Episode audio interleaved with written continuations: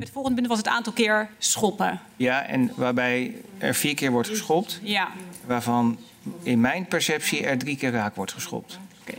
We gaan hem verder afdraaien. En ik zal kijken of ik hem inderdaad dan stop kan zetten bij elke schop.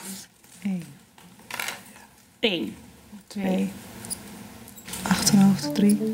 Dan zie je volgens mij zijn hoofd bewegen. Ja, vier, Dat is vier. ja, die is ook raak. En dan komt nog een vijfde. Dan is nog deze. Deze. Ja, We drinken bijna allemaal wel eens een glaasje. En soms ook nog wel eens een glaasje te veel. Remmingen vallen weg en mensen worden impulsiever. En dan doe je wel eens dingen waarvan je achteraf beseft dat het niet zo handig was. Zoals in het geval van de zaak van deze week, waarin een simpele caféruzie uit de hand loopt met enorme gevolgen.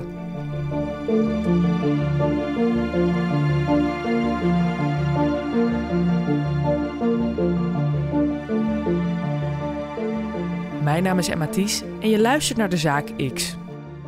Een podcast van het AD in samenwerking met het Podcastkantoor, waarin we wekelijks een spraakmakende rechtszaak bespreken. Met deze week het laatste biertje van Mario.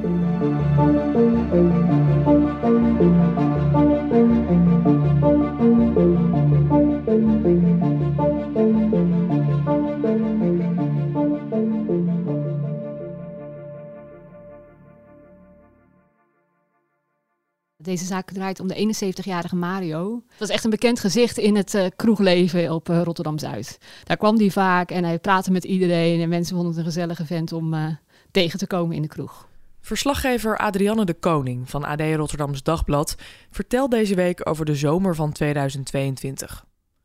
Mario Pinto heeft zin om lekker de kroeg in te gaan. De 71-jarige Mario is geboren in Portugal en houdt van een biertje, een dansje en de gezelligheid van de kroeg. Deze avond gaat Mario naar de Buccaneer, zo'n typische kroeg als er talloze zijn.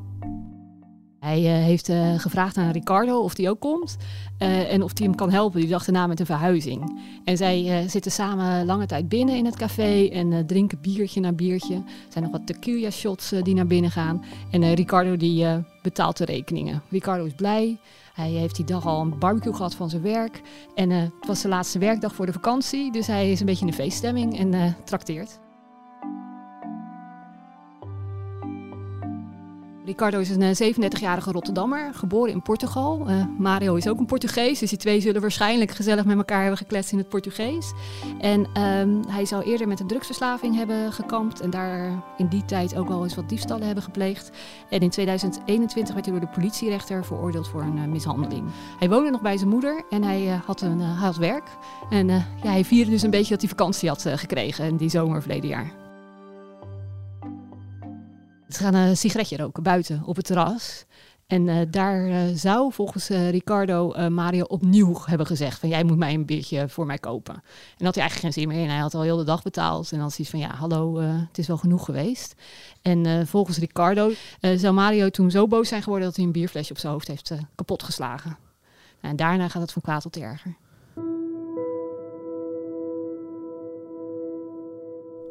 Dit is ook het moment dat de verhalen uit elkaar beginnen te lopen. Ricardo laat het allemaal niet zomaar gebeuren, maar weet, achteraf gezien, ook niet zo goed meer wat hij deed. Wat wel duidelijk is, is de nasleep. Want uiteindelijk eindigt Mario op de grond en bellen omstanders de hulpdiensten. Maar op dat moment zelf lijkt het allemaal nog niet zo erg. Mario zou nog aanspreekbaar zijn geweest. Er komt een ambulance, die neemt hem mee. Hij klinkt misschien een beetje verward, maar de politie denkt, ach, dat kan ook wel omdat hij al eerder een beroerte heeft gehad. En eigenlijk staat de politie er niet zo heel erg acht op. Ziet het gewoon als een caféruzie waar niks ergs is gebeurd. Dus eh, Mario gaat naar het ziekenhuis, Ricardo gaat naar een vriend en eh, dat was het. Je zegt dat was het, toch krijgt dit verhaal nog een behoorlijke staart, kan ik wel zeggen. Ja, want eh, Mario ligt dus in het ziekenhuis. En ehm, op dat moment eh, zijn de dochters van hem in Portugal gecontacteerd om te vertellen dat hun vader, waar ze maar weinig contact meer mee hadden, in het ziekenhuis eh, ligt. Je hoort het verhaal van de dochters in de rechtszaal. Ze zijn net als Mario Portugees. Je hoort hun verhaal dus via de tolk die aanwezig is. Toen wij het nieuws hoorden, voelden we ons verloren. We wisten niet wat we zouden kunnen doen. Hij zat in een vreemd, in een ander land en uh, we hadden geen informatie. We wisten niet eens waar hij op, opgenomen lag. Toen ik de verantwoordelijke arts sprak en hem vroeg van wat nou is gebeurd, hij kon alleen maar zeggen dat hij op straat was gevonden. In het weekend na het uh, ongeluk zeiden de artsen dat, hij, uh, dat zijn situatie verslechterd was en dat wij een beslissing moesten nemen om snel te komen, zodat wij afscheid van hem zouden kunnen nemen. We raakten in paniek. En terwijl wij de reis aan het organiseren waren om naar Rotterdam te vliegen, uh, kwam onze vader te overlijden in de, in de avond van 1 augustus.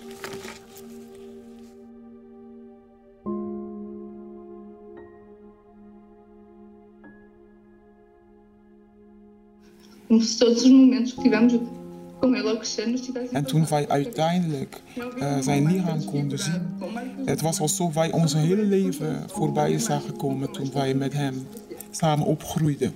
Want we zagen hem daar op een brandkaart. Hij was helemaal misvormd. Met allerlei plekken, blauwplekken uh, over zijn lichaam. Met een uh, laken over, zijn, over zich heen. En het was een beeld. En dat beeld zullen we nooit meer vergeten.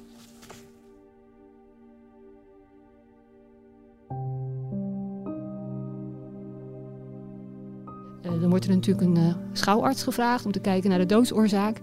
En die schouwarts die weet dat Mario schijnbaar in het ziekenhuis heeft verteld dat hij van een barkruk is gevallen. Dus hij heeft niks verteld, zou niks hebben verteld over de vechtpartij op het terras. En de schouwarts denkt, nou dat klopt eigenlijk wel. Kijken naar het letsel kan wel komen door de, de val op zijn hoofd, doordat hij van een barkruk is gevallen. We waren op een gegeven moment samen met uh, vrienden van onze vader die wij in het ziekenhuis tegenkwamen. En zij, heeft, zij hebben ons verteld over een uh, ruzie, die, een discussie die ontstaan is in een bar. En toen hebben wij besloten om naar het politiebureau te gaan. Om wat antwoorden te krijgen. Ik denk dat zij niet helemaal zeker weten wat er is gebeurd, maar het verbaast hen in ieder geval dat er geen onderzoek is gedaan. Want zij denken, ja, hij is blijkbaar mishandeld. Waarom wordt er niet bekeken hoe of wat? En dan gaat het balletje rollen. De politie lijkt niet direct in actie te komen. Uh, mede ook omdat die schouwers heeft gezegd, ja, het was echt een ongelukkig geval. Uh, maar uiteindelijk, zegt de, zegt de rechter daarover, lijkt het toch dat ze een beetje een uh, onbevredigend gevoel erover hebben. En spreken ze met twee getuigen. En die getuigen vertellen inderdaad dat Mario op het terras trappen tegen zijn hoofd heeft gekregen. Dan gaat de politie op zoek naar wie dat dan was. Wie was die man? En dat blijkt dan Ricardo te zijn. De politie weet aan de hand van camerabeelden en getuigen een beeld samen te stellen van de gebeurtenissen die avond. Twee maanden later begint de rechtszaak tegen Ricardo. Een klein, tenger mannetje waarvan je niet zou verwachten dat hij in staat is om iemand zo toe te takelen. Als hij gaat zitten, blijkt dat hij zenuwachtig is. Hij zit te wiebelen op zijn stoel. Ricardo vertelt over het moment dat hij beseft dat hij door Mario op zijn hoofd is geslagen met een bierflesje. Ricardo is ook Portugees, dus je hoort opnieuw ook de tolk. Toen ik met die fles werd geslagen, raakte ik in shock. Was ik een beetje, snapt u? En dan keer ik. En dan uh, keer ik om en dan heb ik dus die reactie mm -hmm. uh, om me te verdedigen. Mm. Uh, Ricardo laat dat niet op zich zitten en reageert. En hij uh, borstelt met uh, Mario, waardoor de twee op de grond terechtkomen. hij staat als eerste op en Mario die gaat zitten, blijft op de grond zitten. En blijkbaar kan Ricardo niet meer stoppen en hij trapt hem vier keer tegen zijn hoofd. En er zijn andere omstanders die proberen hem weg te halen. Omdat ze wel zien van, ja, waar ben je nou mee bezig? Hè? Er ligt een man op de grond en, en uh, Mario die uh, uh, zit, die krijgt uiteindelijk een hele harde trap tegen zijn hoofd. Getuigen zullen het later beschrijven als zijnde, alsof hij een penalty nam of tegen een voetbal trapte. Getuige verklaart dat de schop echt hard was. Een soort penalty, beschrijft hij het. Getuige beschrijft dat, uh, dat verdachte het slachtoffer keihard in zijn gezicht trapte. Ook zij noemt het een soort voetbalschop, alsof hij tegen een voetbal schopte.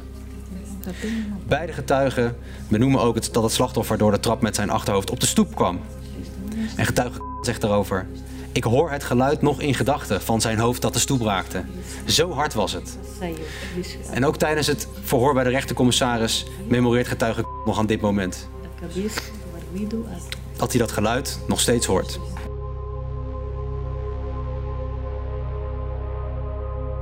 Het is wel heel ingewikkeld, want hij uh, dacht zelf dat hij maar één trap had gegeven tegen uh, Mario.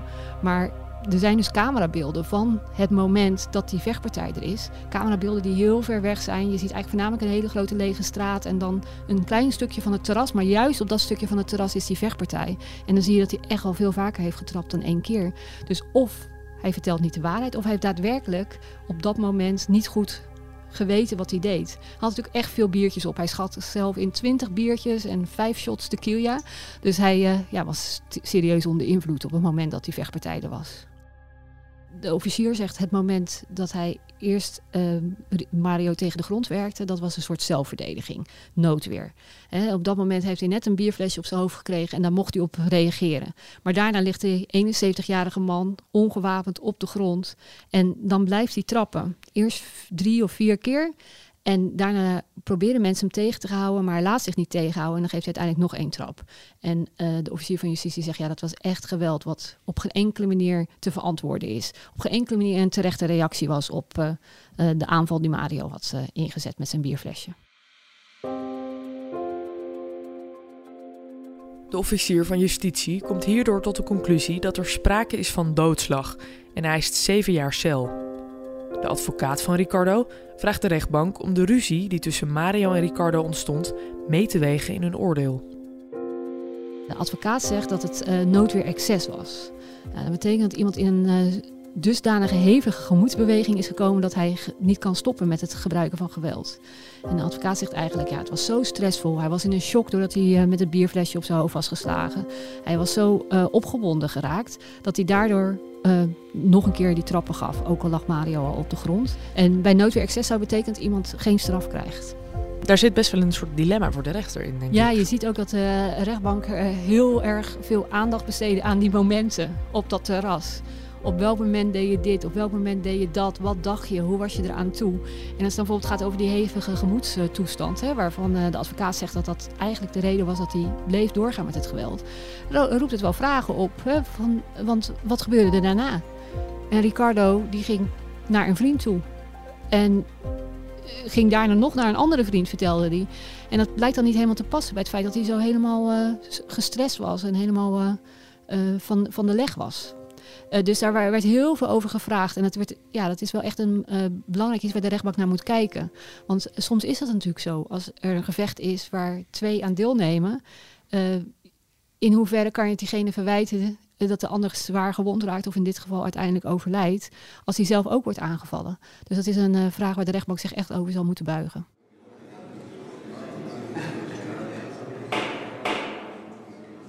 De rechter doet twee weken later uitspraak in de zaak. Volgens de rechtbank was de eerste reactie van Ricardo, een aantal trappen en klappen, nog te verdedigen als een zogeheten hevige gemoedsbeweging.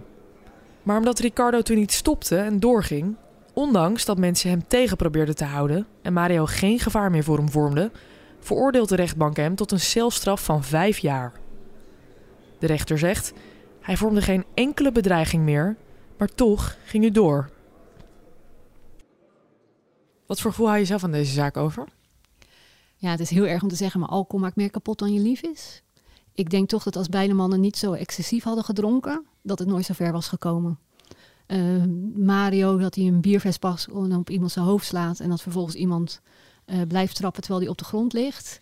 Uh, dat klinkt toch wel heel erg als gedrag als iets wat je niet zou doen als je nuchter was. En ja, één of twee biertjes Eh, waarschijnlijk ook niet, maar ze hadden echt heel veel gedronken. En dan ook nog shots tequila uh, erbij. En het is wel heel verdrietig dat uh, mannen die voor de gezelligheid naar het café gingen, uiteindelijk ja, eentje dood is en de andere in de gevangenis zit. En dat dat laatste biertje, wat Mario nog zo graag wilde, dat dat hem vertaal is geworden. Had hij het maar gewoon zelf betaald, dat biertje, dan was het misschien wel heel anders gelopen.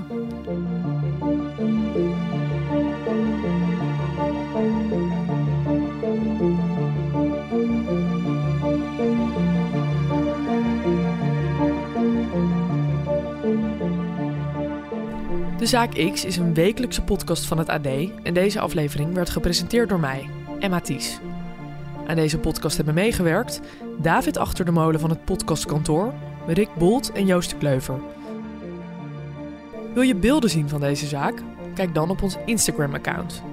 En als je meer wil lezen over deze zaak, kan je terecht op ad.nl/slash dezaakx. Vond je dit een goede podcast? Laat dan vooral even een review achter, zodat we beter vindbaar worden voor nieuwe luisteraars. En wil je ook de volgende aflevering niet missen? Abonneer je dan op dit kanaal.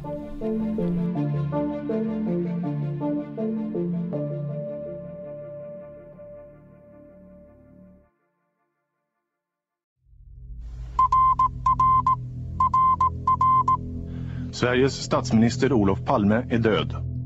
Zweden rouwt na de moord op premier Olaf Palme.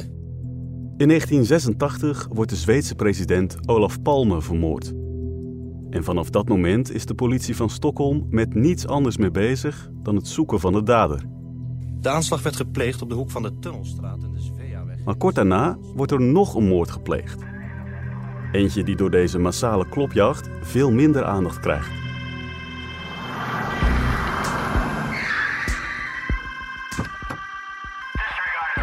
Het is een moord in huiselijke kring, ergens in een buitenwijk van Stockholm. Het slachtoffer is een 30-jarige vrouw. De dader, haar stiefzoon Samir Sabri. En vrijwel gelijk als de politie ter plaatse is, bekent hij haar vermoord te hebben. Maar kort daarna komt Samir terug op zijn bekentenis. Hij is onschuldig, zo zegt hij. Klopt het wat Samir beweert? Is hij echt onschuldig? En als hij de moord niet pleegde, wie dan wel? Je hoort het in de stiefmoedermoord.